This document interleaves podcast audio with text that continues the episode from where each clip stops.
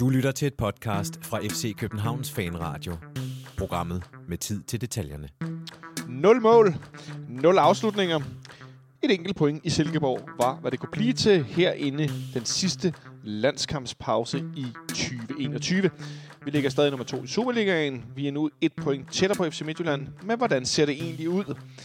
Det og meget andet skal vi kigge nærmere på i den næste times tid, hvor du har tunet ind på FC Københavns Fanradio. Velkommen til. Mit navn er Jonathan Folker, og jeg sidder igen bænket i FC Københavns Fanklub. Jeg har i dag en god ven af fanradioen med mig, nemlig en gæst, Alexander Elverlund. Velkommen til, Alexander. Tak skal du have. Øh, vi er de eneste to på pind i dag, og vi har øh, aftalt, at vi skal selvfølgelig tale om den her kamp i går, og så skal vi... Øh, øh, ja, prøve at male det med lidt bredere pensel i forhold til, at der nu er den sidste landskampspause, inden at øh, der er øh, nogle få kampe tilbage i turneringsåret i år. Vi har nemlig kun fire kampe tilbage, og kun to hjemmekampe. Den sidste, øh, den 9. december mod Slobodan Bratislava i Conference League. Og så har vi om cirka 14 dage, den 21. november, søndag kl. 16 mod AGF. Der kommer enormt mange mennesker. Har du ikke sikret dig billet? Få det gjort. Det er årets sidste Superliga-kamp i parken, og jeg tror, der bliver temmelig fyldt. Jeg gætter på, at der er en masse af jer, der holder en julefrokost inden eller Jeg tror, det bliver en, øh, jeg tror sgu, det bliver sjovt. Så jeg får gjort det. Men øh, først en lille ting. Fordi det er nemlig sådan, at vi på næste mandag i landsholdspausen jo ikke optager normal øh, nedtagt fra en, en kamp i weekenden. Men derimod, så har vi en speciel gæst, som vi en gang tidligere har haft her i Fanradioen. Vi får nemlig besøg af PC. Øh, vi har længe forsøgt at få sat en aftale i stand med, med Peter Christiansen omkring, øh, ja, lad os kalde det en sportslig status efter hans første øh, sådan øh, halve sæson øh, som, som sportschef, i hvert fald et, sommer-vinter-transfervindue, hvor han var sådan 100%, og så øh, frem mod det her øh, vintertransfervindue, hvordan han synes status er, og hvordan det ser ud, og så videre. Øh, så det ser jeg meget frem til. Jeg får besøg hernede sammen med Nikolaj Ingemann, og med Martin Oransen som producer øh, mandag eftermiddag. Vi skal nok skrive ud om, hvor vi kan sende spørgsmål til os, som vi jeg vil, altså, som altid gør mit bedste for, at det bliver jeres spørgsmål, og ikke bare vores spørgsmål. Nogle gange er det selvfølgelig det samme, men hvis I spørger om de ting, som vi også overvejet, så vil jeg gøre mit aller, aller bedste for, at der kommer en afsender på, så det er en medfan, der stiller spørgsmålene. Og så håber jeg, at PC han har rigtig god tid til at svare på lidt af hvert. Alexander, hvis du havde PC siddende her, hvad ville være dit allerførste spørgsmål? Ja, altså, jeg, jeg synes jo, der er, er to presserende ting her i vintertransfervinduet. Øh, Hvad for en af dem? Hvad skal ind? Øh, og ikke mindst, hvordan i det her vinter... Altså, man snakker jo tr- traditionelt, at, at vintertransfervinduet er et svært transfervindue. Ja. Øh, og, og man kan jo ikke bare selv beslutte, som øh, FC København, at vi har problemer, så vi skal ud og f- købe. Fordi det er jo tit det her med i et transfervindue, at de største klubber ude i Europa begynder at købe, og så risler pengene ned gennem systemet, og Ja. der bliver skiftet ud, og lige pludselig er der en mulighed. Og der sker bare ikke særlig meget vintertransfervinduet i forhold til om sommeren. Så det kan godt være, at man har det sådan lidt, vi vil gerne have to kantraketter, en i højre og en i venstre side. Men de klubber er ikke interesseret i at sælge, fordi de måske ikke selv er ude i markedet efter en ny før til sommer. Så, så jeg, jeg kunne godt tænke mig at høre ham ad, hvordan, øh, hvordan han vil gribe det her an med, at altså, vi har jo brug for, udover de mangler, som har været evidente hele tiden, så er Carlos Seca jo også øh, ude minimum sæsonen ud. Så, så der er jo enten en lejeaftale under opsejling eller et køb, og hvordan vil han gøre det øh, i et vintertransfervindue, som traditionelt er svært?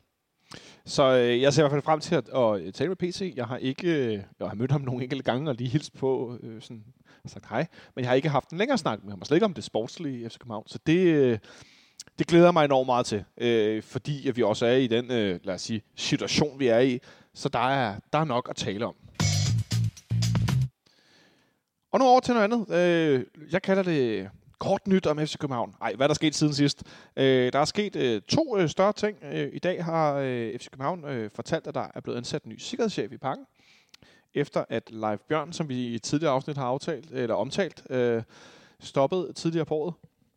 Øh, efter en øh, vanvittig lang overrække, hvor Leif han virkelig øh, var en, en vigtig rolle og en vigtig karakter i, i parken. Øhm, der er Jan Lindhardt blevet ansat som sikkerhedschef i parken, hvor han vil være ansvarlig for sikkerheden til FC Københavns kampe. Han vil også stå for det operationelle omkring sikkerheden ved landskampe, koncerter og andre events. Jan Lindhardt, der har A plus sikkerhedsuddannelsen, har været ansat i Esbjerg FB i en tilsvarende rolle, men har også stor erfaring med sikkerhedsarbejdet fra opgaver for DBU, Euro 2020 samt en række andre events. Det vil sige, det er altså en mand, som har været herinde før, og ikke, øh, hvad skal vi sige, kommer ind fra gaden, hvis han har været en del af Euro 2020. Ja, og, og altså, erfaren lyder det jo til, ikke? Øh, fordi der er, der er jo ikke så mange, tænker jeg, derude, der har de der erfaringer fra større events, fordi så mange er der trods alt heller ikke øh, rundt omkring i kongeriget. Så, så det kunne sagtens have været en, der havde været centervagt i Fields, eller... Nej, øh, selvfølgelig ikke, men, øh, men wow. det kunne godt have været for eksempel en... Øh, en, der har været betjent. Det tror jeg måske også, han har været, har jeg hørt rygter om. Det ved jeg ikke, men altså, det kunne godt være en, der kom direkte fra en stilling i politiet, for eksempel. Øh, et eller andet, som ingen erfaring havde med store events, øh, andet end måske selv at have øh, været oppasser øh, under et derby, eller hvad ved jeg. Så på den måde kan man sige, det, det er jo sikkert øh, en, en rigtig god profil at få ind, fordi han, øh, han kommer med noget erfaring. Ja, det var den ene ting. Den anden ting er, at der i dag er blevet udsendt øh, kvartals øh, rapport øh, for tredje kvartal i øh, Park Sport Entertainment. Og det er en kvartalsrapport øh, med en masse økonomiske tal. For dem af jer, der har hørt den her podcast før, så vi ved, det er ikke min øh, største kompetence at gøre sig ud i sådan noget økonomi. Men jeg har gjort det, at jeg skrev til øh, Michael Milhøj, som jo var med i fredags, for. Øh, og bad ham om at give øh, bare et kort blik på, øh, på den her øh, rapport. Øhm, og han skriver egentlig bare, at det er tydeligt, at i tredje kvartal, der er det kun lige i starten af tredje kvartal, at restriktionerne stadig påvirker økonomien meget. Øh, spillersal har, øh, har selvfølgelig trukket en del op, men at overordnet set, så virker forretningen mere normal. Øh, og så er det en masse sommerhus i landet, der virkelig har trukket noget omsætning, øh, noget salg, og det er jo fedt. Øh, det har vi jo set før, hvordan øh, der kommer en, over en kvart til en halv milliard ind i omsætning på, på salg af, på salg af sommerhuse. Øh, og så øh, skriver han videre, øh, for det første, når vi optager her i dag mandag, så øh, er det tidligere dag offentliggjort, at der er pressemøde senere om corona i statsministeriet. Det kan godt påvirke resten af, af efteråret, men nu har vi kun to hjemmekampe tilbage. Der er også lige en landskamp på, på fredag den her uge. Lad os se, hvad der sker.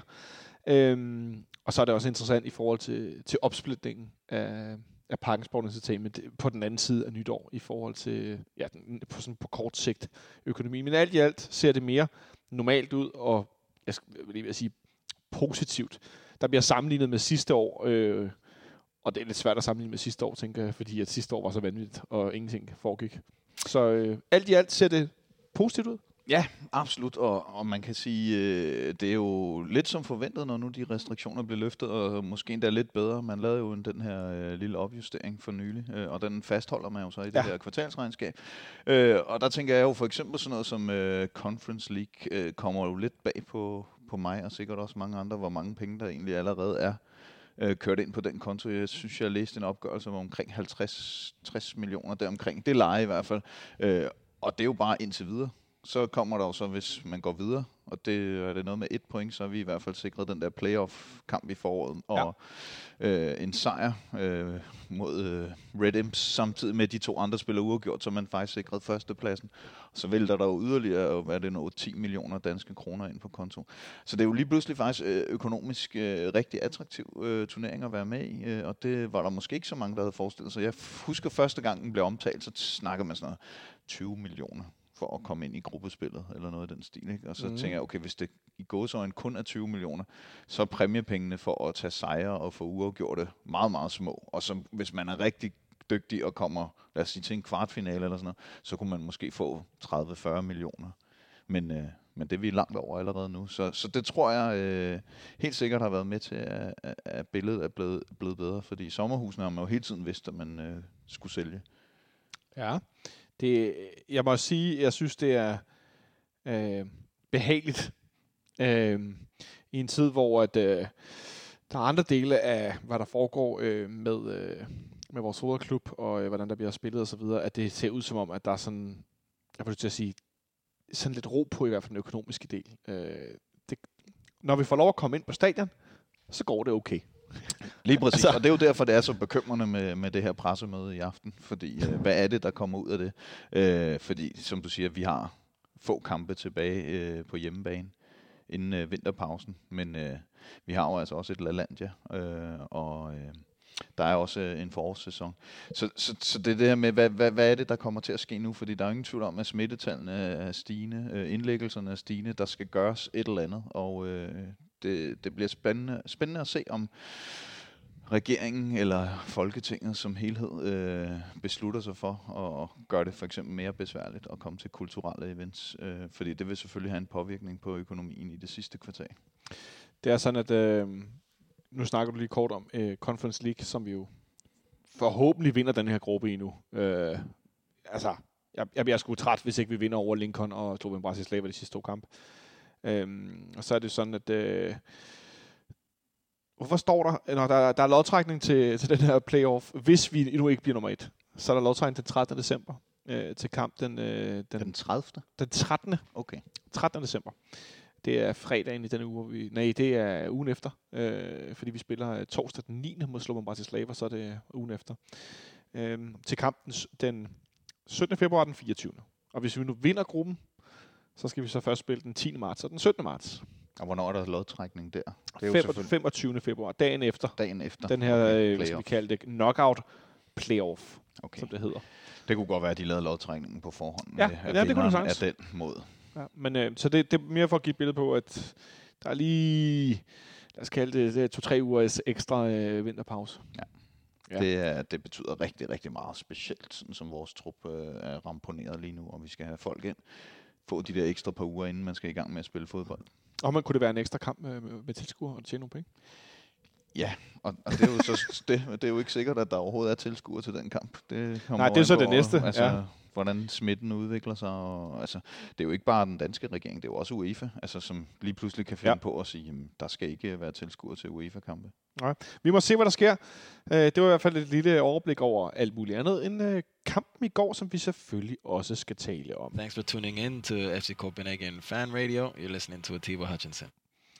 Vi kunne godt have brugt Atiba Hodgson på midtbanen i går, øh, Alexander. Det havde vi ikke. Vi stillede derimod op øh, på, noget, på en måde, der næsten lignede, hvad vi torsdag aften gjorde i Thessaloniki, hvor vi vandt øh, 2-1 over PAOK. Øh, men når jeg siger, at vi godt kunne have brugt Atiba Hodgson i går, så var det fordi, jeg personligt i hvert fald godt kunne have tænkt mig, at vi havde haft en eller anden spiller på vores midtbane, som var lidt mere øh, defensivt orienteret, centralt. Vi stillede igen op med en, en sekserløs opstilling, både af karaktertyper som spiller, men også positionsmæssigt. Der var ikke nogen, der indtog den her dybe defensive rolle. Derimod så stillede vi op på toppen med Jonas Vind, øh, som lige bag sig havde den unge øh, Hakon Haraldsson. Fik jeg udtalt det rigtigt nu? Havkon. Havkon, det kan jeg ikke. Haraldsson går jeg med, sorry. Øhm, som lå i den her rolle bag ved ham, og så Kevin Dix på højre. Øhm, ja, og, hvordan- og hvordan var det så egentlig, vi spillede? Jeg er stadig lidt i tvivl.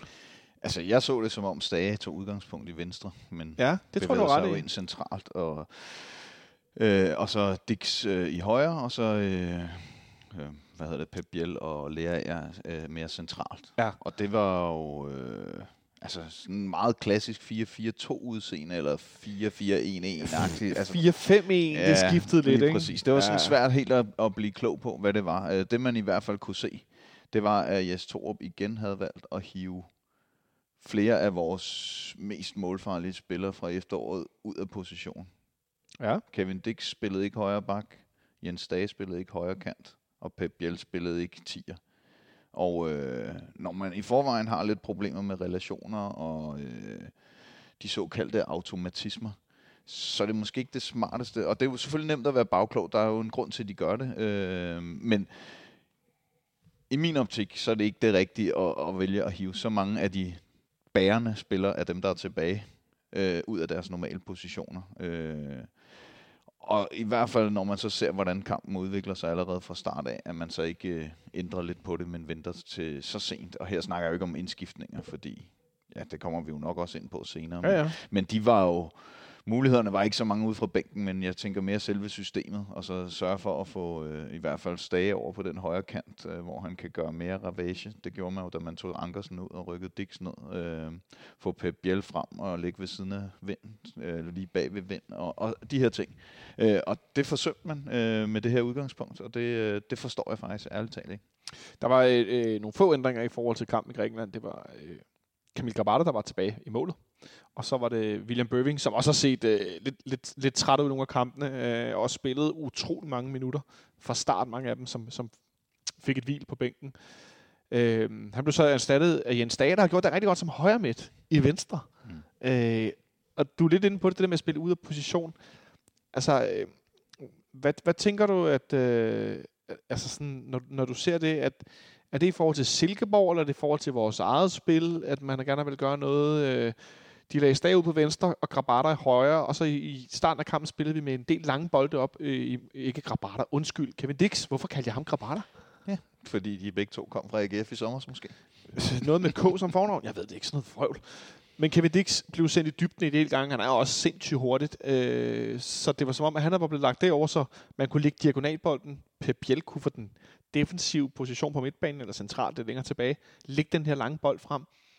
Og så var øh, Dix øh, ofte alene mod to-tre modstandere. Det virkede lidt mærkeligt. Men klar, hvis Stage havde spillet den position, så havde man ikke kunne løbe de her, de her, øh, de her løb. Nej, jeg tror, øh, jeg tror, det var et, et taktisk oplæg, at man ville spille på den måde, og man indstillede sig efter Silkeborg, fordi det er jo ikke den måde, vi normalt gerne vil spille på. Øh, jeg tror, Altså, jeg synes jo, Silkeborg er et voldsomt godt pasningshold. Altså, de minder, det må man sige. De minder mig rigtig meget om øh, FC Nordsjælland i den der redselsperiode, vi havde, hvor øh, vi aldrig kunne vinde op på kunsten i, i farve, hvor de bare kørte bolden rundt, øh, og så måske ikke var så farlige, øh, altså, med enkelte undtagelser. Der var selvfølgelig en gang imellem, hvor de havde fik hul på bylden.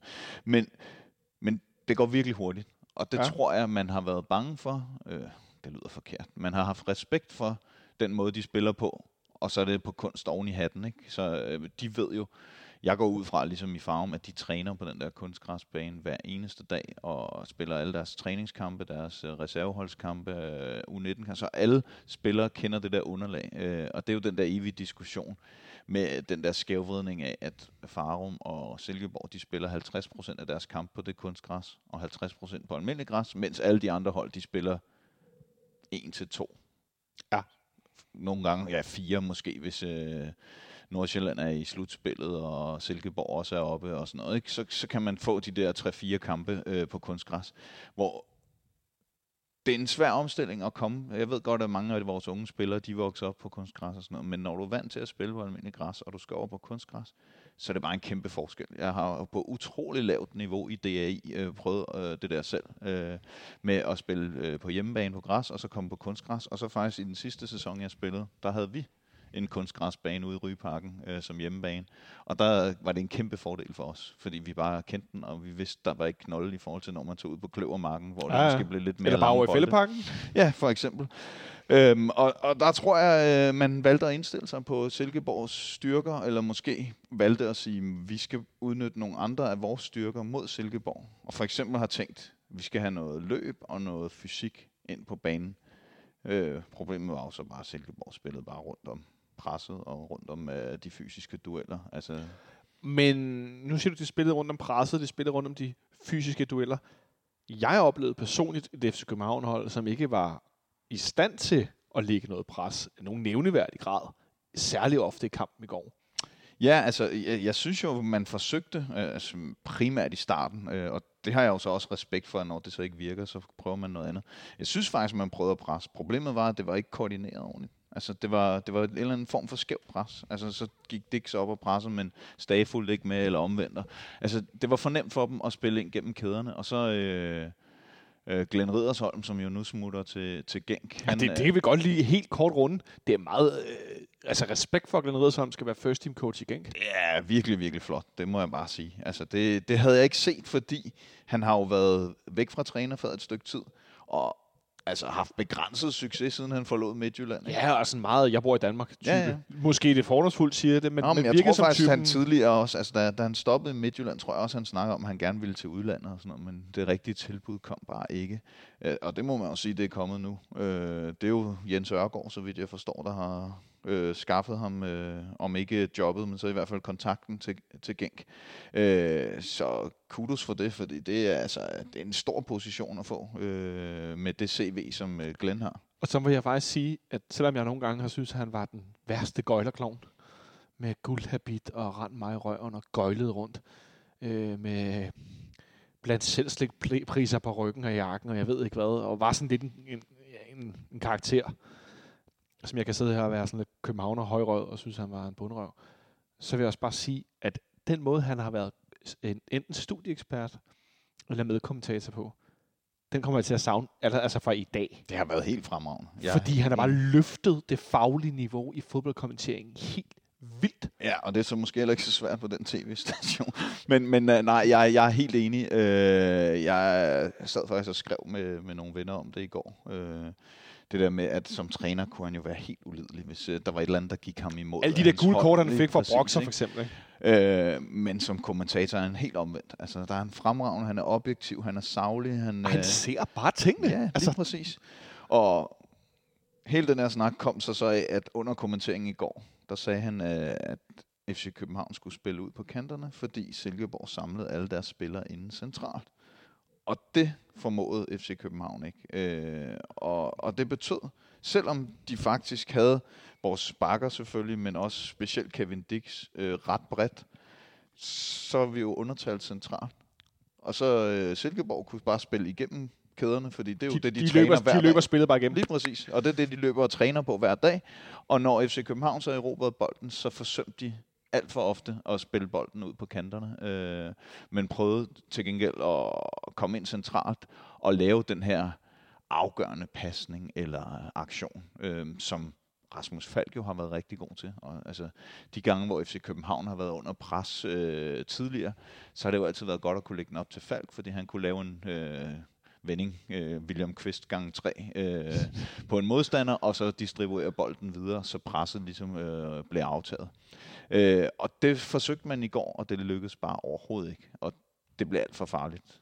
Der var jo situationer, hvor jeg tror, det var Stage, der hoppede over en bold, hvor de så bare piller den og slår kontra. Der var en situation, hvor en prøvede at lave en hele aflevering, pillede den fra os, løb kontra. Det skal man jo lade være med. Ja, så skal man også lade være med tre, fire gange, fem gange måske, at aflevere bolden direkte helt Silkeborg-spillerne. Ikke? Og det var jo fra alle øh, steder på banen. Ikke? Altså, Rutscholama gjorde det, Victor Christiansen gjorde det. Øh, var det Lea? Ja. Jo. Der var i hvert fald alt for mange af de der helt uprovokerede. Øh, jeg vil godt gå så langt som at sige, at første halvleg i går, øh, jeg, jeg, altså jeg sidder her og kigger på den her graf, som jeg altid gør med spilovertag. Den skal man ikke kigge på i dag. Nej, jeg fordi har kigget på den. den. er godt nok grim. Er det 15-65, ikke? det, I det, minutter, tror jeg. Det ved jeg ikke. Jeg ved bare, at den er meget, meget lidt ned til os. Det er kun lige til, faktisk til sidst i kampen, vi har lidt pres. Ja. Sådan for alvor. Og man kan jo se også, altså i forhold til antal chancer, øh, som du sagde, øh, nul chancer. Altså der, vi havde syv afslutninger, men nul inden for målrammen. Øh, og jeg vil karakterisere fire af dem som reelle afslutninger. Øh, og der var to inden for et minut i midten af første halvleg, og så var der to i aller sidste minut, altså 89-90. minut.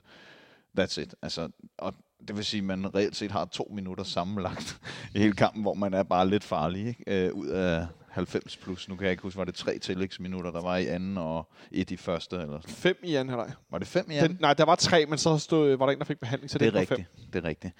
Ja, så sammenlagt måske 6-97 minutter, øh, hvor man øh, har to gange et minut, hvor man reelt er farlig. Ikke? Øh, det, det er altså ikke godt nok. Og så er det ligegyldigt, om det hedder Silkeborg eller Midtjylland.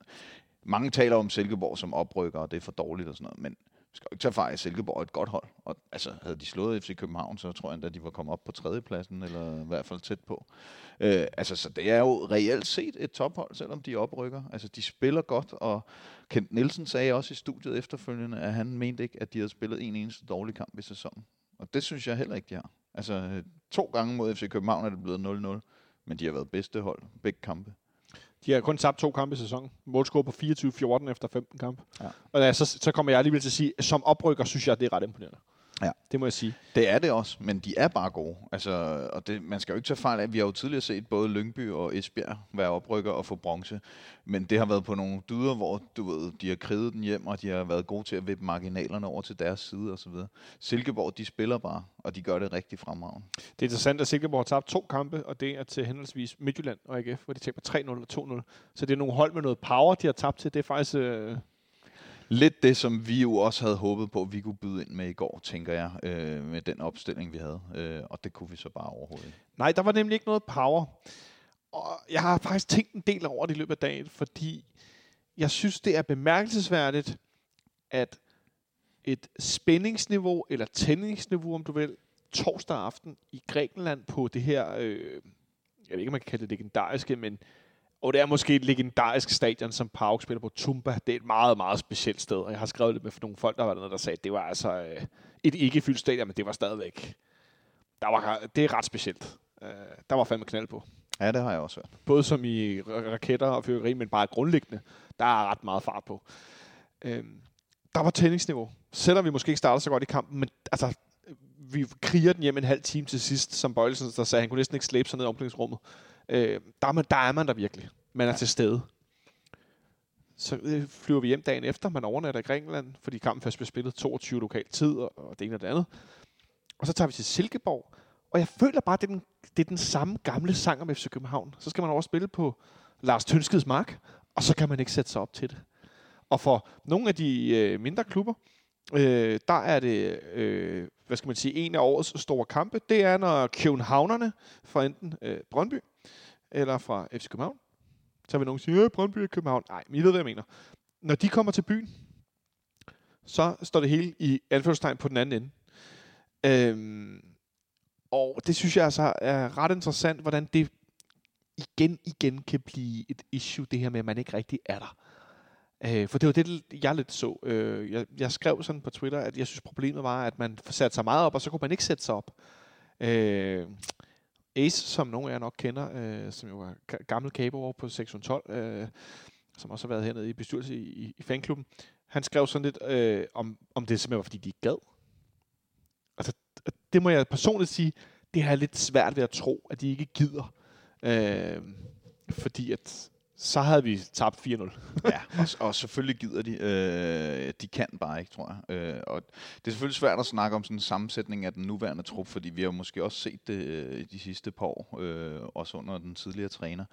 Men jeg tror, det er en kombination af, at vi har lige nu rigtig mange unge spillere, der får alt for meget spilletid i forhold til, hvad man havde planlagt og regnet med.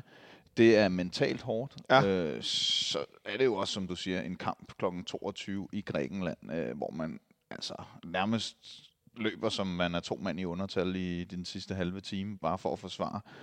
Øh, så der er også noget fysisk, øh, som begynder at slide på truppen, fordi det er jo meget de samme spillere, der spiller igen og igen og igen og igen. Og jeg tror også, at Jes Torup sagde efter kampen i går, at det var nogle virkelig trætte spillere nede i omklædningsrummet også.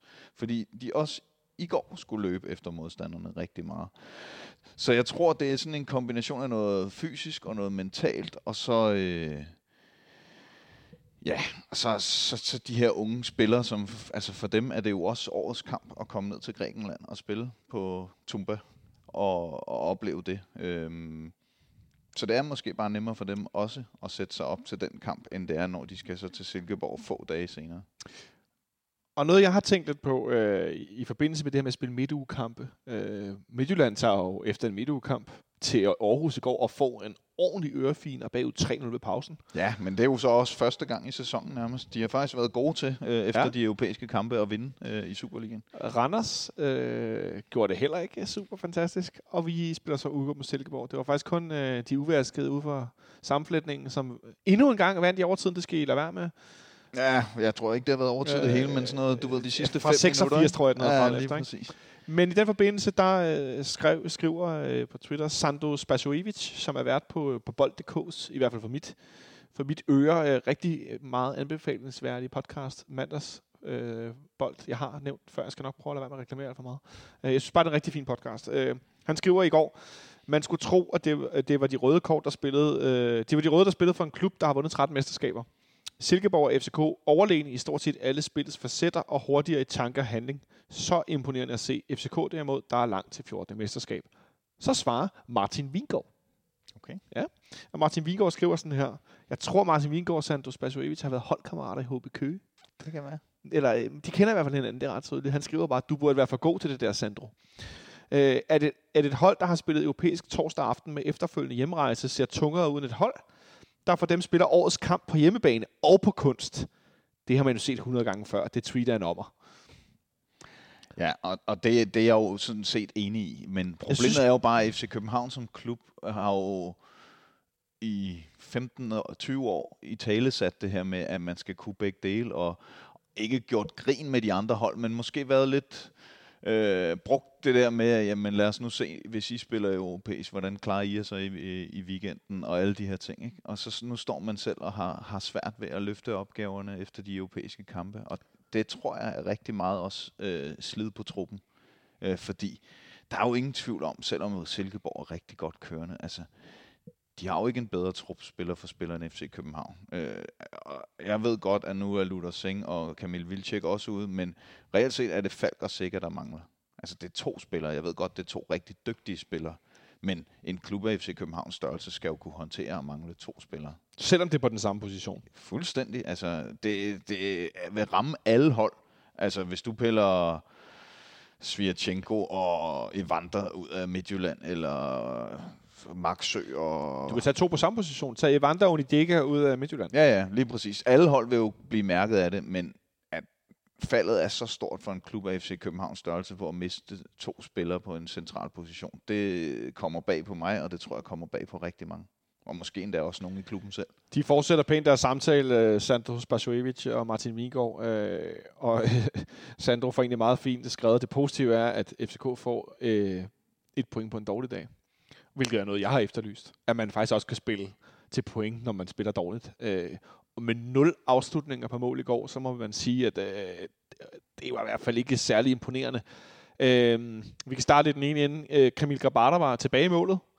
Til dem, der var i tvivl om det, han er klar første målmand, det må vi hermed konstatere, selvom Karl Jonsson stod, øh, jeg får lyst til at sige det der en brandkamp ned i Gren, nej, det gjorde han. Han blev også kåret ja. til man of the match i nedtagsudsendelsen her hos os. Øh, og jeg har efterlyst kampafgørende redninger for Kamil Grabata. Det har jeg simpelthen gjort.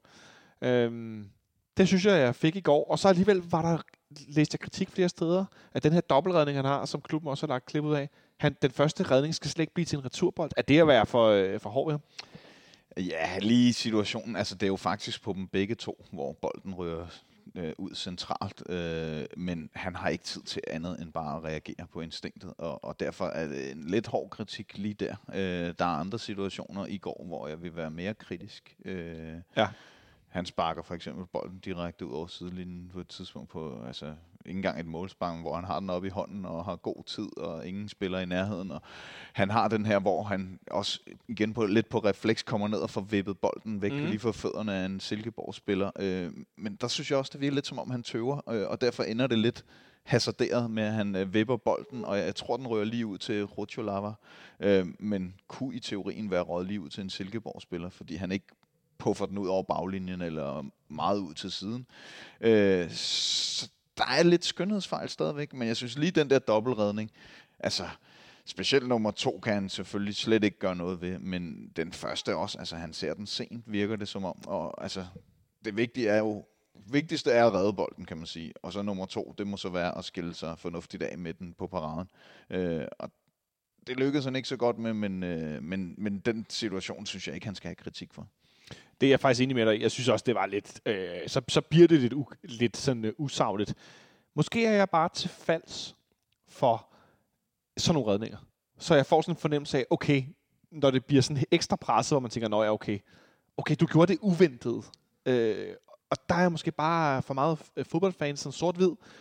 Så kan jeg se en målmand, der går ud og laver en redning, og så en dobbeltredning. Okay, det var der, hvor vi kunne have tabt en dårlig kamp i Silkeborg 1-0, i en kamp, hvor at Silkeborg heller ikke spillede op til det, vi har set dem spille i den sidste periode. For det gjorde de jo heller ikke. Nej, Deres måske bedste spiller, Sebastian Jørgensen, blev skiftet ud. Ja, han havde så, en dårlig dag. Han havde en dårlig som, som de, de for øvrigt fine kommentatorer, øh, øh, noget, som sagde, måske hans dårligste kamp i efteråret. Ja. Øh, og det var ikke, fordi vi nødvendigvis skulle have ham dårligt. Han spillede bare ikke særlig godt. Ah, nej. Øh, så det har været også sådan en rigtig øve FC København de sidste par år. Tab 1-0 i Silkeborg på sådan en, der ikke bliver reddet på en mm. returbold. Ikke? Den redder Kamil Gabata, det synes jeg er fedt, for det var det, der ligesom fik mig til at tænke, okay, du har også det der. Ja. Det har jeg ikke set. Nej, og det har jeg jo nemlig også efterlyst, lige siden han kom til, for jeg synes jo, han var utrolig stærk i AGF, uden at jeg synes, han rev den ene pointgivende redning op efter den anden, men han, han var stabilt god. Og hos FC København har han måske bare været stabil, og ikke hverken god eller dårlig. Altså, det har været meget jævnt. Altså, han har taget det, han skulle, men han har ikke lavet den der overraskende redning, og det var jo det, han gjorde i går. Fordi der er jo ingen, der forventer specielt nummer to, at han skal redde den. Altså, hvor langt er det, øh, hvad hedder det, Sebastian Jørgensen står for mål? 5 meter? Ja, det, meter? det er meget vildt, han kommer op igen. Ja, så, så det er, jo- den er jo på indgivende, øh, eller det viser den sig jo at være, fordi de kunne sandt for døden godt have scoret yderligere øh, med det pres, de lagde på os. Øh, de fik så bare ikke skabt chancerne store nok, kan man sige. Så den endte med at blive på indgivende, den dobbeltredning, og det var fedt at se. Men stor var, var min forundring, da jeg her til formiddag fik sendt et link til et interview, som Ritzau har lavet, som blandt andet, jeg finder det her på bold.dk, med Kamil Grabata, der udtaler blandt andet, jeg vil gerne sige til alle FCK-fans, I behøver ikke elske mig, men når jeg gør det godt, så bare vise lidt respekt. Det vil være rart. Jeg forventer ikke, at I synger mit navn før kampen, men jeg gør mit arbejde for klubben, og jeg giver alt, jeg har. Øh, han slår fast, at han godt ved, at han selvfølgelig har en aktie i, hvordan han bliver set på FCK-fans. FC, FCK's fans. Når jeg har gjort mig fortjent til respekten, skal jeg også have den. Sådan er det også omvendt. Hvis jeg skal have skylden, så, øh, hvis jeg skal have skylden, så, så øh, skal jeg have den. Og jeg er også øh, selv den første til at tage den på mig. Måske får jeg respekt på et tidspunkt, hvis jeg for eksempel over 100 kampe for klubben, så vil jeg være den, de holder mest af, siger han. Undskyld mig, kære Gamil. Jeg ved godt, du ikke fatter kvæk af, hvad jeg siger. Du er simpelthen gal på den. Respekt, det er noget, man får, og ikke noget, man tager, og nu synes du, du er klar til det, ven. Åh, jeg bliver sådan lidt... Lidt ligesom jeg har det følt med vores cheftræner, det kan jeg lige så godt sige. Hvis jeg vidste, hvad han ville, og jeg vidste, hvilken vej han gik, så ville jeg jo bare komme op herfra og til langt ned helvede. Men der er ikke nogen retning i det, han laver. Derfor kan jeg ikke bakke det op. Og det samme med Gramil Gabata. Det der, han lavede i går, jeg skrev også på min Twitter, der var han. Mm. Der havde han, som du også siger, der havde jeg fornemmelsen af, okay, nu er han der. Det der, det redder point på en dag, hvor at, det kunne lige så godt gå ind.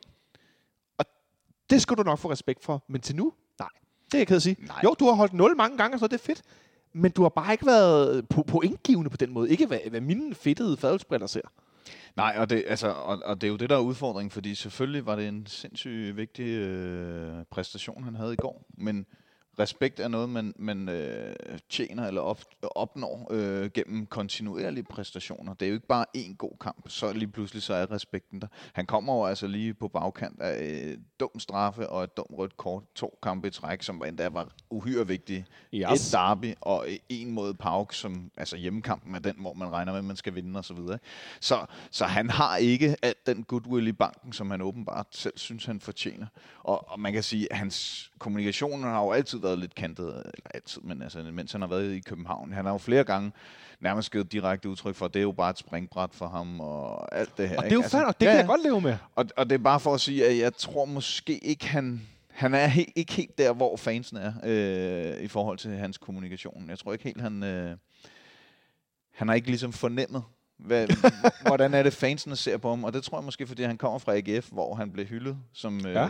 den store messias. Øh, og den øh, respekt skal han altså først øh, opnå her i København, før øh, jeg synes, at han berettiget kan gå ud og brokke sig over, hvis folk pifter. Nu ved jeg ikke, hvad det var, han var stødt over, om der var nogen, der piftede efter kampen, øh, eller et eller andet. Nej, det har jeg svært ved at forestille Jamen, mig. det er også det. For jeg tænker, hvor kommer den fra? Men, øh, han siger, når, når jeg præsterer godt, så fortjener jeg respekt. Så lød det bare, som om han nærmest... Han er jo en, øh, en... Jeg ved ikke, om han er flittig på, på sin Twitter-profil, men jeg har en klar fornemmelse af, at han følger med, i, hvad der foregår. Det tror jeg også, og, og han har jo fandme skrevet nogle sjove tweets, altså også til nogle Brøndby-fans, øh, der, der det endnu- ikke var afgjort, hvor han skulle være målmand hen efter AGF. Der var der en, øh, en Brøndby-fan på Twitter, der skrev, come to Brøndby, eller et eller andet, og så skrev han bare, keep dreaming. Og, det var ikke engang og så gik der et par dage, og så signede han med FCK. Åh, det er sjovt.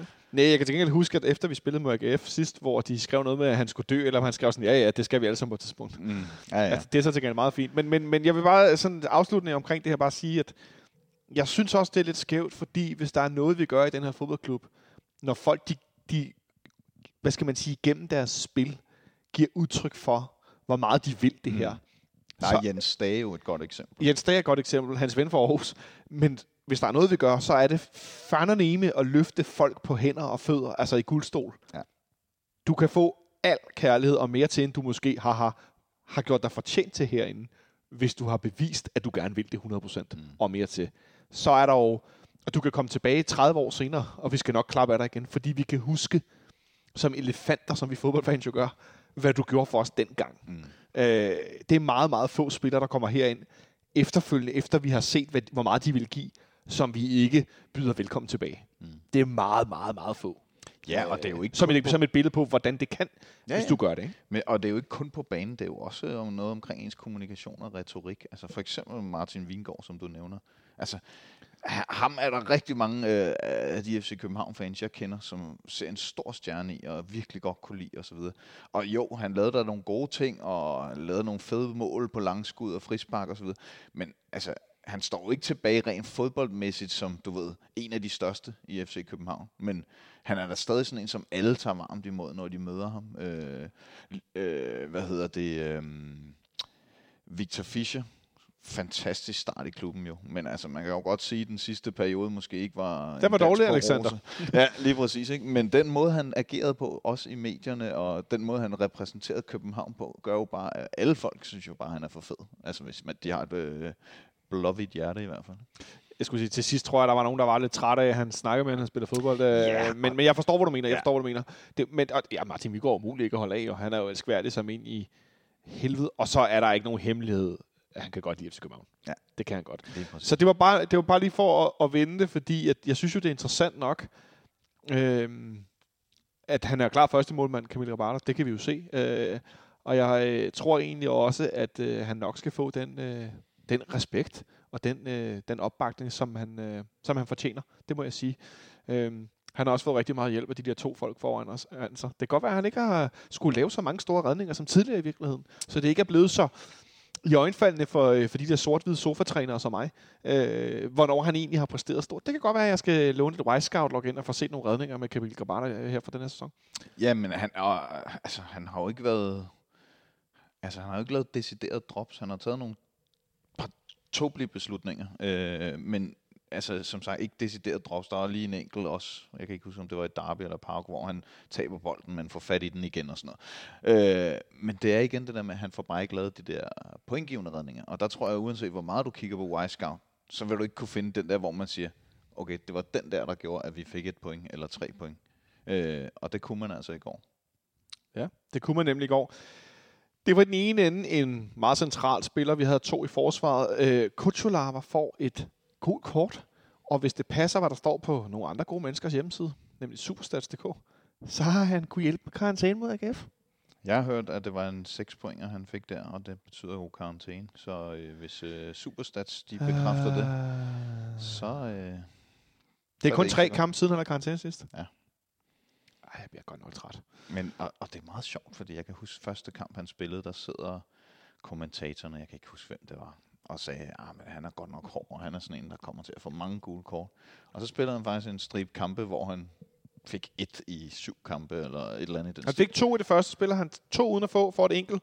Spiller han to, fire kampe uden at få, så får han et, pause to, pause et. Ja, i Superligaen. Ja, i Superligaen, Ja, ja, og så ja. var der nemlig også nogle europæiske og sådan noget. Så der var sådan en lang periode, hvor han måske fik et enkelt eller to, et eller andet. Øh, og så tænkte jeg, at det var egentlig bare fordi han var usikker i sin første kamp, og alt det her, han var, gik lidt hårdt til den og så videre. Men han er jo begyndt igen at samle kort op. Jeg synes, øh, den er ret tydelig fra, fra der sikkert bliver skadet. Ja.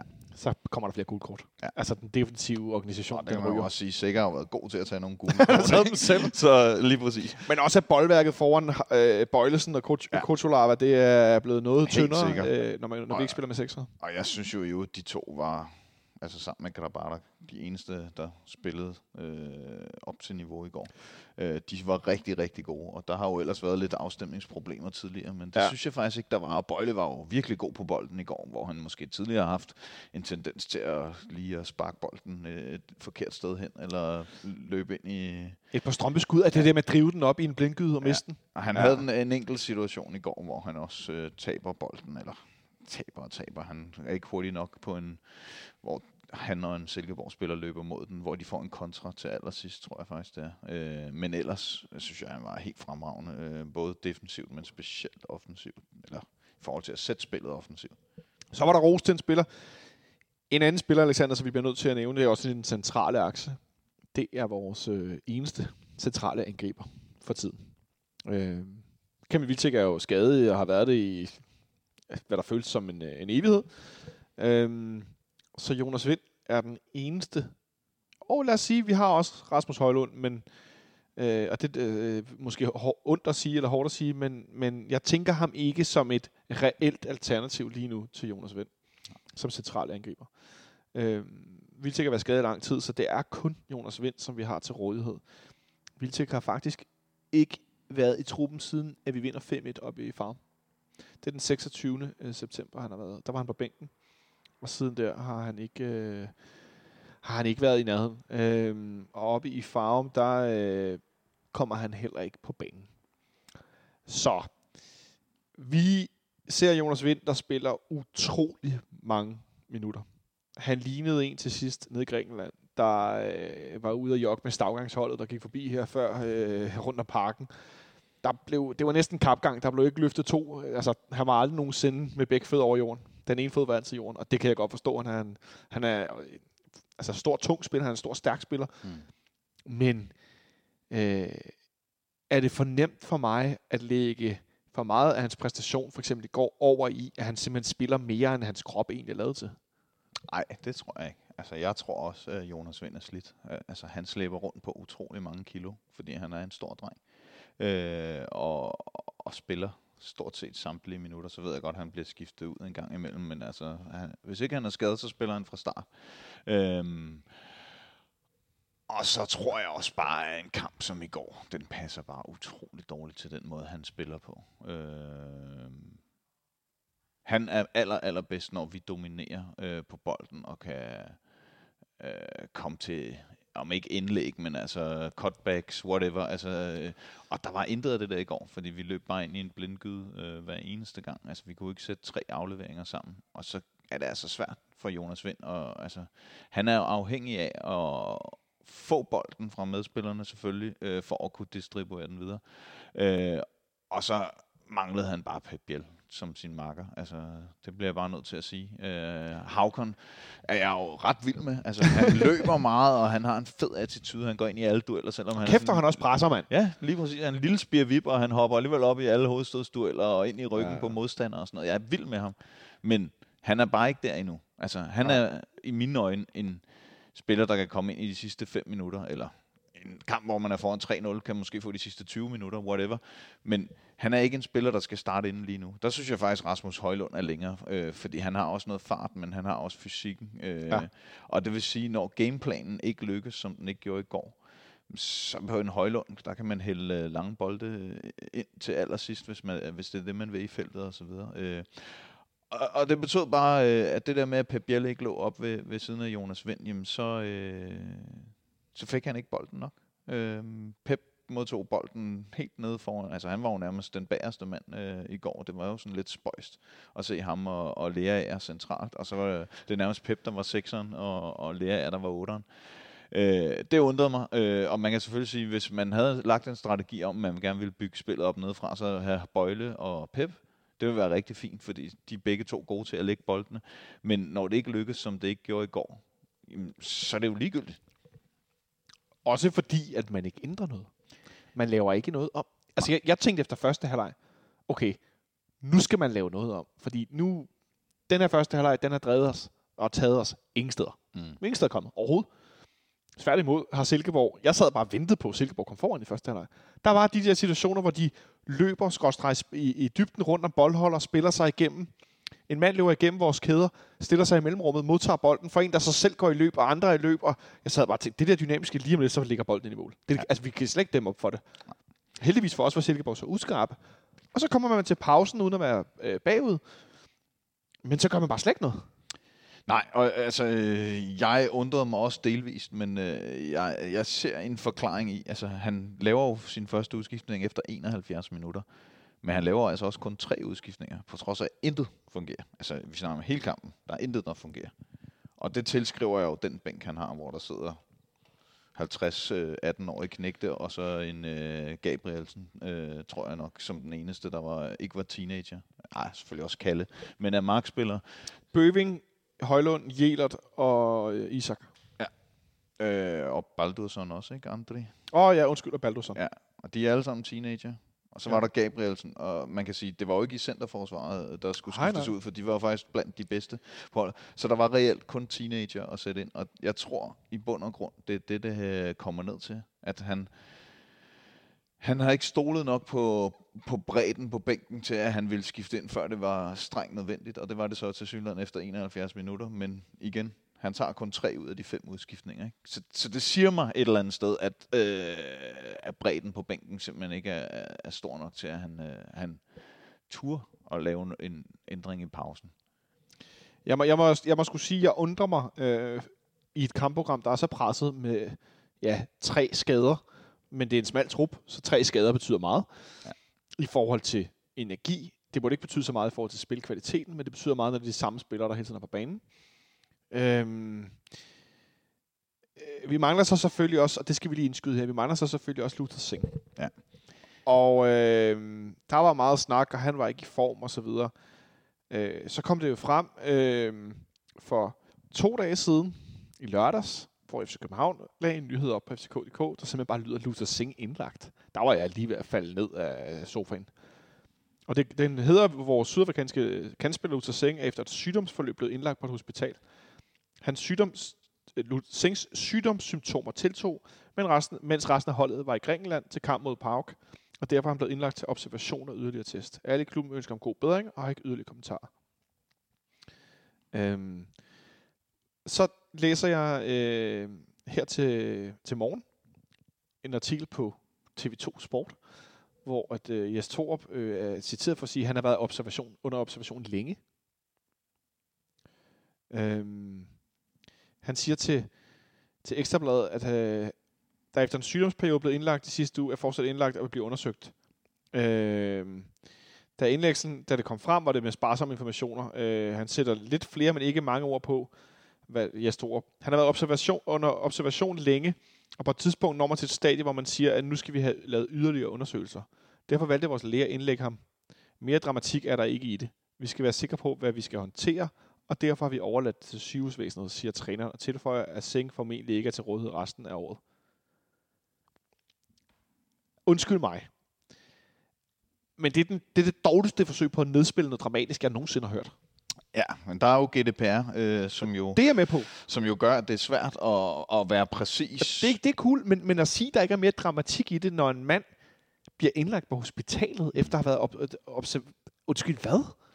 Jamen, og, og lige præcis for at vende tilbage til GDPR, så betyder det jo, at vi ikke ved, hvad det er, han fejler. Øh, fordi og det, det, det, og undskyld, jeg afbryder. Det vil jeg slet ikke gå ind og spekulere i. Nej, det, nej, det, det, det vil jeg heller ikke. Det er bare for at sige, at øh, hvis man vidste, hvad det var, så ville det måske virke mere udramatisk. Men netop fordi vi ikke ved, hvad det er, så sidder man og tænker, what? Hvad? Det, øh, altså indlagt. Man bliver jo ikke indlagt for petitesser. Nej, men, men jeg vil, ikke det nej, men jeg vil, vi har lige nu, der men, er presset. Men jeg vil sige, uanset hvad, så er det ikke udramatisk at blive indlagt på hospitalet, efter at have været under observation igennem en længere periode, når man er professionel fodboldspiller. Nej. Det er ked af at sige. Og spørgsmålet er, hvad er en længere periode? Fordi altså, så lang tid siden var det mod Pau hjemme, han var inde og blev skiftet ud igen. Altså, længere tid siden er det heller ikke. Øh, så det kan jo ikke have været, du ved, at han har været under observation i en måned eller to måneder. Jeg tænker, det har været de sidste par dage, hvor han er meldt syg. Ja. Eller været og det, og det, det er heller ikke for mig, for at vi skal sidde og vende og dreje alle ordene. Det er mere, bliver, bliver, bliver bare sådan lidt, Altså, I kan bare sige, at han er indlagt. Mm. Og så er det ligesom det. Og det har I gjort, fordi det mener I er bedst. Det har I sagt. Men at begynde at kalde det udramatisk at blive indlagt, når man er professionel fodboldspiller, det er simpelthen, det, det, det, det er sgu lidt over for mig. Jo, jo, men det er jo igen det der, vi har talt om tidligere i det her program omkring kommunikationen og Jes Torup og så videre, hvem skal styre det. Øh, der skulle man måske bare have sagt, at det skal Jes ikke udtale sig om. Nu har øh, den her pressemeddelelse blevet sendt ud, som jeg egentlig synes var meget fint. I, ja, i, i store træk er ganske fint, og så bare sige, så lukker vi den der. Og det er jo egentlig også det, de skriver. Så har vi ikke yderligere kommentarer. Men det har Jes så alligevel dagen efter, da han bliver spurgt ind til det. Jeg mener, det var efter kampen i går i Mixo. Øh, og der tænker jeg, der skulle man måske bare have sagt til ham, at det taler vi ikke mere om. Altså nu har vi ligesom ja. det ud. Færdig arbejde. Fordi jeg blev sgu noget, øh, som jeg sagde før, jeg blev noget chokeret, da jeg læste, at han var blevet indlagt for en ting er, at han har virket som om, at det ikke kørte fodboldmæssigt, og så var der lidt historie om, at han måske øh, var lidt deprimeret over at være i Danmark, uden nogen han øh, kendte, og der var noget med, med noget, måske noget familie, der skulle komme og være sammen med ham, et eller andet. Men derfra til at blive indlagt, altså det er lige før vi går så langt som at sige, jeg håber, det er fordi, han er blevet syg af et eller andet pludseligt, og så har man kigget lidt på det, han er måske, jeg ved godt, jeg har hostet i tre uger, jeg hoster stadig lidt, men jeg bliver forhåbentlig ikke så syg, at skal indlægges. Øh, eller sådan, altså, altså et eller andet, ah okay, fordi at, øh, jeg ønsker jo alle det bedste, og især øh, når de spiller, eller godt kan lide FC, i FC København, eller fans, eller hvad det er. Øhm, så vi kan da kun ønske ham god bedring, øh, og håbe, at han ikke øh, er alvorligt syg, eller en længere periode eller noget, fordi det er da noget, forfærdeligt noget, man skal indlægges på hospitalet i, i et helt fremmed land for øvrigt. Ja, ja, og det, altså, det, det falder jo lige ned oven i alle de andre ulykker, han har haft, uh, siden han kom til klubben. Ikke? Ah. Så det er, altså, det er jo bare uheld på uheld på uheld. Uh, jeg må tilstå, at jeg har ret meget med med ham. Ja. Det vil jeg skulle sige. Jeg synes også, det er synd for ham. Uh, også fordi, altså, uanset hvad, så uh, er det jo ikke hans fejl, hvis han er fejlkastet oven i hatten. Altså oven i alt det andet, der nej, nej. Så der er ingen grund til at være efter uh, Luther Singh, hvis uh, ikke det bliver en succes på sigt. Uh, så jeg har også utrolig ondt af ham, at han så skal opleve alt det andet oveni. Ej, det er godt nok. Øh, og det var mest bare for at snakke om det der med, hvor mange spillere mangler vi egentlig. Nu dukkede alt det her op, så jeg var bare sådan lidt, ej, hvad foregår der? Og, øh. og det er klart, hvis vi lige skal vende det, altså, at har du Vilcek, Falk, Sega, øh, Luther Singh til rådighed, øh, så er jeg godt klar over, så det er ikke dem, der sidder på bænken alle fire, men så er det nogle andre, de erstatter. Men så har du lige med Gabrielsen fem seniorspillere med masser af erfaring ude på bænken, som du kan skifte ind, øh, og måske kun to talenter, eller hvad ved jeg.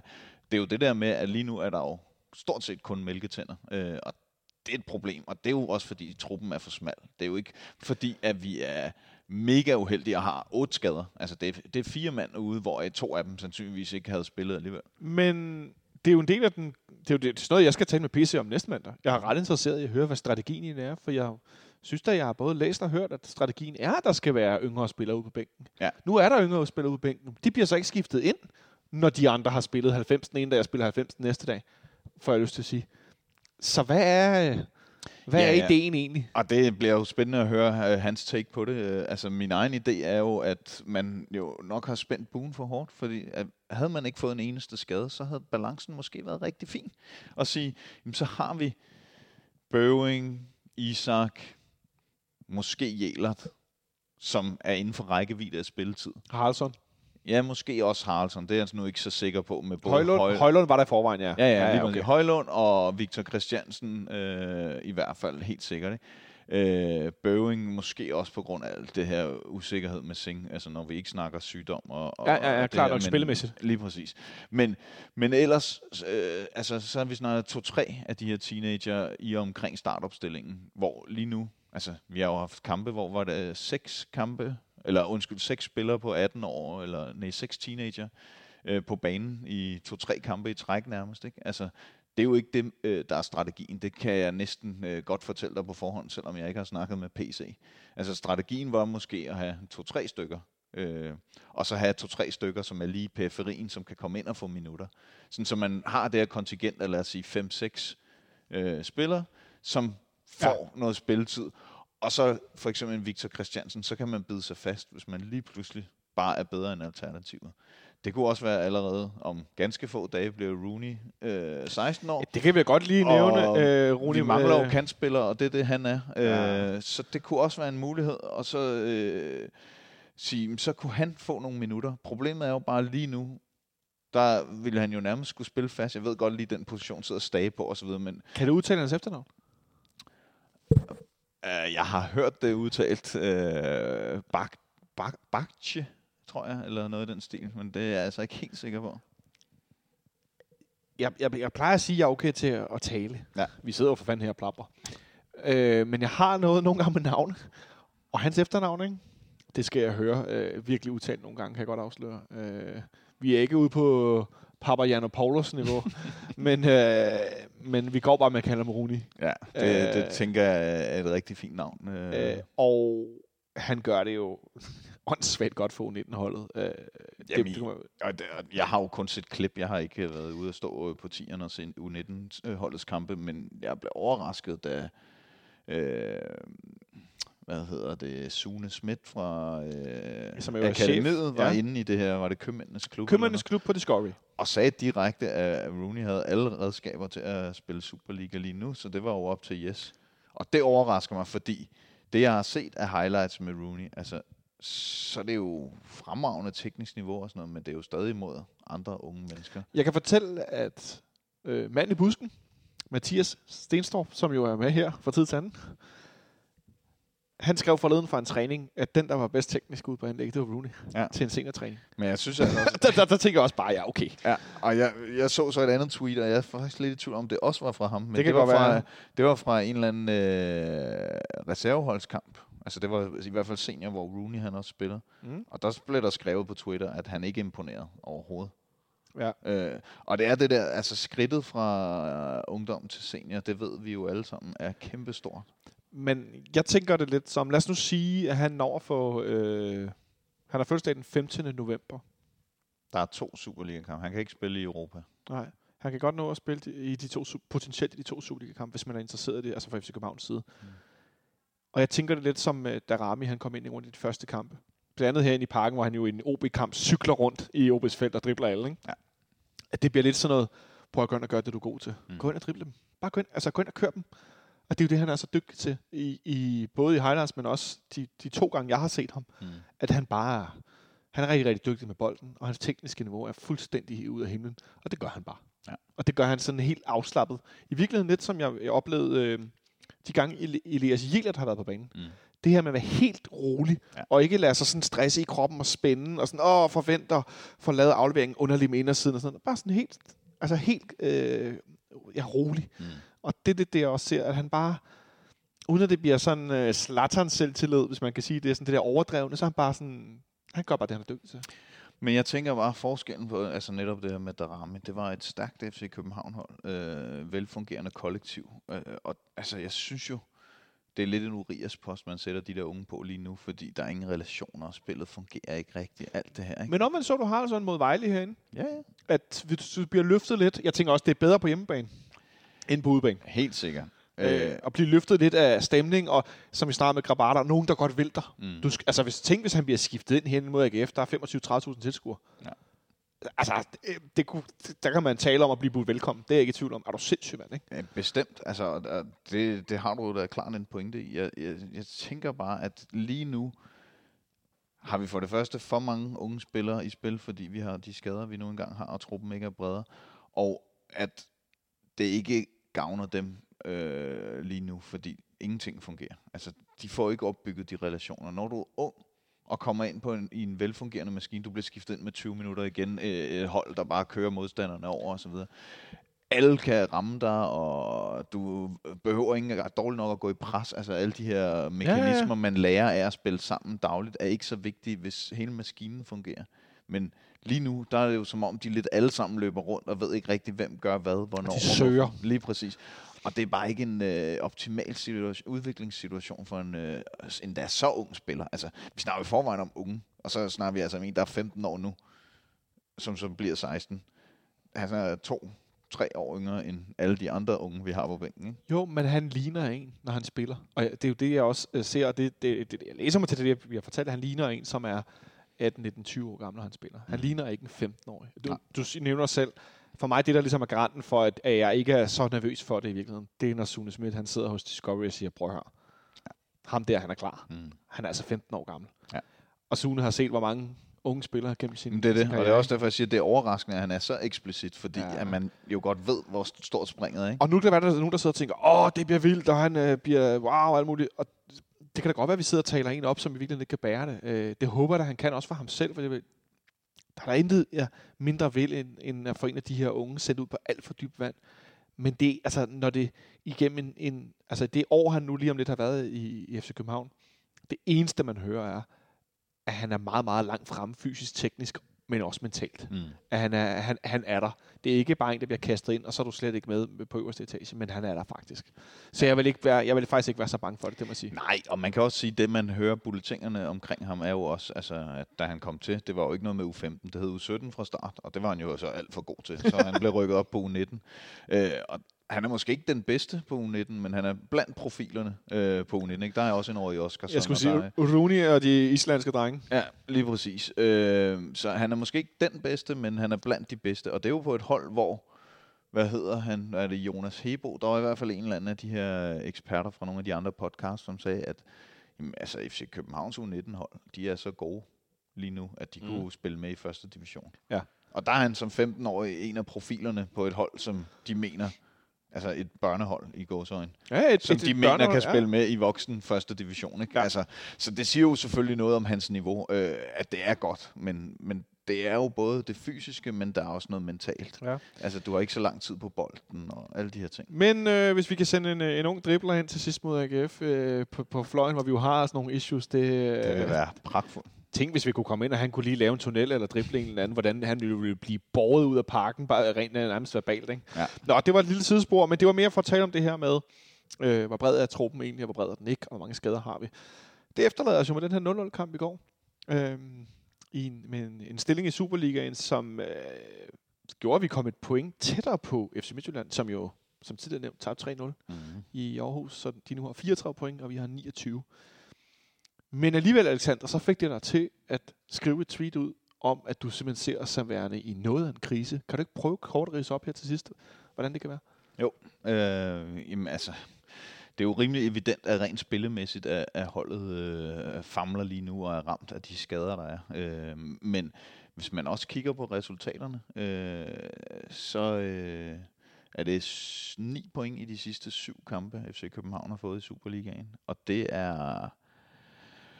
Det er et bekymrende lavt pointgennemsnit over en lang periode. Fordi før det var det jo sådan noget, var det ni kampe i træk, man ikke tabte. Eller, Vi vandt. Ja, vandt. Vi vandt ni kampe i træk. Ja, det var så i alle turneringer, ikke? Jo, Øh, men stadig, men, ja. men, men altså, det, Ja, ja. Toget, toget bullede. Ja, lige præcis.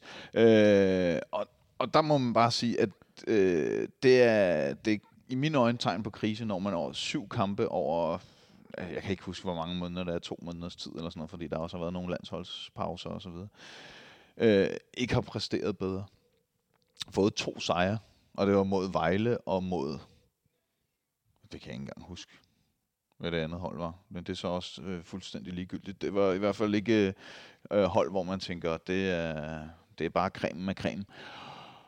Så, så, så er det i mine øjne et tegn på øh, en krise, og det tror jeg ikke, øh, vi kommer ud af, medmindre man også indser det på øh, gangene, både på kontoret, men øh, specielt ude på tieren. Øh så, så det var egentlig det, der var min pointe, det var, at nu bliver man også nødt til at sige, okay, det her det er ikke bare et par dårlige kampe, fordi vi har haft et par skader, og så skal vi lige finde vores ben igen. Det her, det er, det er øh, vedvarende, og det, det, skal, det skal der gøres noget ved. Det virker lidt som om i, i sådan et øh, militærsprog, at der bliver, der bliver sådan lidt kæmpet fra dør til dør, eller fra hus til hus, mm. fra kamp til kamp. Ja. Sådan tænker jeg jo også altid efter København. Når nogen, øh, som regel i efteråret, så, så kan det være en på en arbejdsplads eller noget andet, der siger, Nå, hø, hø, I tabte weekend, hvad for en plads ligger I på i Superligaen? Så plejer jeg faktisk bare, "Ved du hvad, det ved jeg ikke. Fordi det kigger jeg slet ikke på på det tidspunkt. Mm. Mm. Det er ikke interessant, hvor vi ligger hen i september. Klar, hvis vi er 15 point efter de to tophold, eller hvem det nu er, det er ikke så godt. Nej. Men det, det, det er sjældent, det jeg kigger på, fordi det er, så, det er et maraton. Altså, det er et langt sejt træk. Og det der med, at vi førte Superligaen, og nej, vi vandt det der kamp i træk. Ja, ja. Men vi, det handler jo om, hvad der sker også om 6-7 måneder eller sådan. Mm. Ikke? Altså, øh, men det virker som om, det er lidt for meget kamp til kamp. Og der er ikke... Jeg ved, de har en lang plan, men den er godt nok svær at se. Øh, og, og, og, og det virker som om, der mangler, der bliver zoomet lidt ud. Eller Ja. sådan lidt overblik. Altså, vi har jo haft perioder, hvor man så tænker, nu er de der. Altså, for eksempel den der periode, hvor man vandt ni kampe i streg og sådan noget, hvor man tænker, yes, det er det udtryk, de vil have. Det er det, vi skal se fra FC København. Ja. Og så siger det bare, og så eksploderer det hele, og så øh, nu står vi her med to sejre i de sidste syv kampe. Og altså, det er jo sådan, at syv kampe er jo en tredjedel af, af hele grundspillet. Og det er altså en stor bid at være, være dårlig kørende. Altså bare kig på Brøndby, som jo startede. Jeg kan så ikke huske, om det var syv eller otte kampe eller sådan noget, men altså, hvor De det kunne, også ikke, var, de kunne ikke vinde. det var helt utroligt dårligt. Og det betyder jo, at de øh, er, er langt efter nu. Øh, på trods af, at de er klart det mest formstærke hold i Superligaen PT. Måske ikke spillemæssigt, men resultatmæssigt. Ikke? Øh, så så det, er, det, er, det er en kæmpe udfordring, som, øh, som skal adresseres, og det regner jeg da også med, at den bliver om to kampe, altså i Superligaen. Når øh, efteråret er slut, øh, der kommer Rasmus Falk forhåbentlig tilbage i stærk udgave i foråret, og forhåbentlig kan man også hente noget ind øh, via transfervinduet. Øh, jeg har i hvert fald øh, indtil flere positioner, hvor jeg tænker, at det, det er der, man skal kigge. Vi har siden øh, vi vinder, øh, vi taber til FC Midtjylland, så vinder vi 5-1 i, i farven. Spiller to uafgjort. Hjemme mod Viborg og ude mod Sønderjyske. Øh, så taber vi til Brøndby. Vinder over Vejle og spiller 0-0 i går. Ja. Så øh, mod i, i hvert fald et par hold, som jeg vil tænke var øh, nedrykningsspilshold. Øh, det kan godt være, at de ikke ender med at blive det, men Viborg, Silkeborg og Vejle. Nej, Vejle vinder vi så, men Viborg, Silkeborg, Sønderjyske, dem spiller vi simpelthen uh, uafgjort mod. Mm. Så bliver det uhyggeligt svært at vinde det danske mesterskab, hvis det fortsætter. Og ikke mindst fordi FC Midtjylland indtil i, i går øh, jo bare kværnede derud af og havde det højeste pointsnit, de nogensinde har haft øh, i en sæsonåbner. Det ved jeg ikke, hvor, hvor de ligger nu efter nederlaget, men jeg tænker, det stadig ligger op i den pæne ende af deres øh, sæsonstatistikker. Øh, og det betyder jo, at når du har et hold, der bare på den måde øh, skovler point ind, så skal du være skarp. Og det, øh, det bliver FC København ikke øh, før tidligst efter vinterpausen, når der har været transfervindue og, og Rasmus Falk er tilbage. Nej. Og så holder de altså 0 FC Midtjylland i forhold til os. Mm. Det er gået lidt ned for dem her til sidst med 2-2, 3-2, øh, 3-1, øh, og så taber de 3-0 i går. Men i den øh, foregående periode, de har kun tabt tre kampe, taber den første til OB, taber til Brøndby på Brøndby Stadion, og taber så til AGF.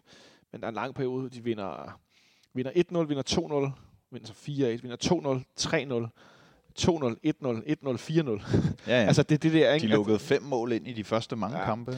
Og, det, og det, det vidner jo om et højere bundniveau, hvis jeg skal være lidt firkantet. Mm. Nå, det skal vi ikke tage så meget mere rundt i. Øh, en man of the match for kampen i går Silkeborg. Kan vi krølle sådan en her som en lille finale på vores øh, sidespor? Jeg håber, I holdt ud derude. Jamen altså, den oplagte er jo Grabata, fordi han jo reelt set redder de point, øh, som gør, at FC København trods alt får noget med hjem fra, fra Søhøjlandet. Men øh, jeg synes faktisk, at jeg vil give den til Nikolaj Bøjlesen. Ja, det må du gerne lige sætte på på.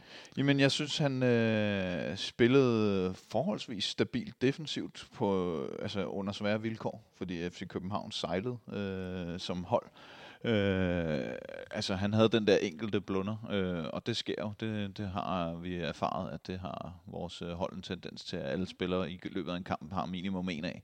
Øh, men, men derudover, så synes jeg, han var stabil defensiv, og så synes jeg, han var fremragende øh, offensivt. Altså simpelthen, når spillerne ikke løb for ham, altså hans medspillere, så lavede han øh, sådan en maskeret aflevering og tog et træk ind i banen, løb frem med bolden, og så kunne han lave en aflevering.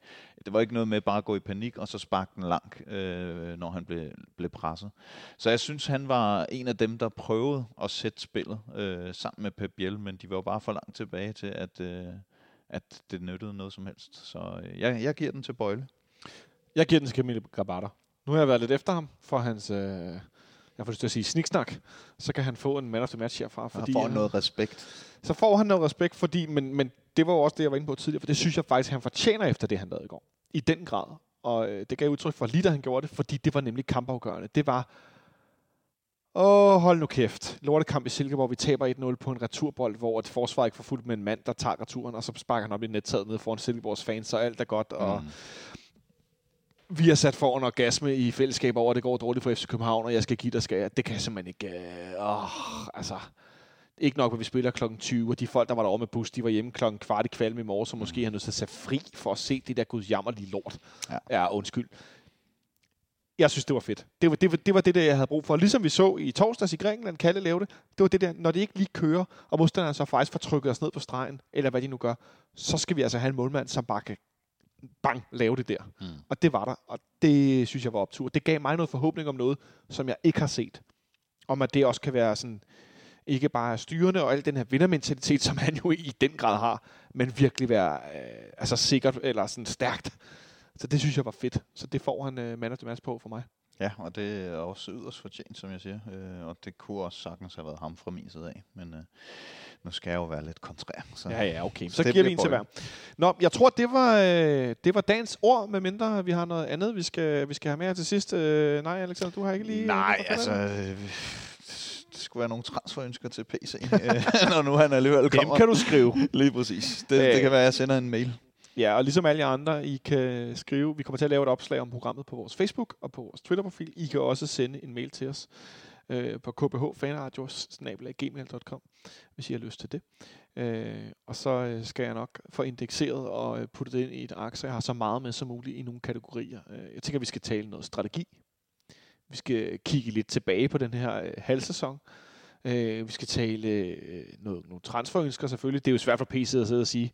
Men jeg kommer for eksempel til at holde fast i, at selvom jeg stod på Brøndby Stadion øh, sidste derby, så lå jeg om at fortælle, at han stod i et optagsstudie og fik nærmest lovet, sat lidt skarpt op, at man vil købe en erstatning for Carter Sikker.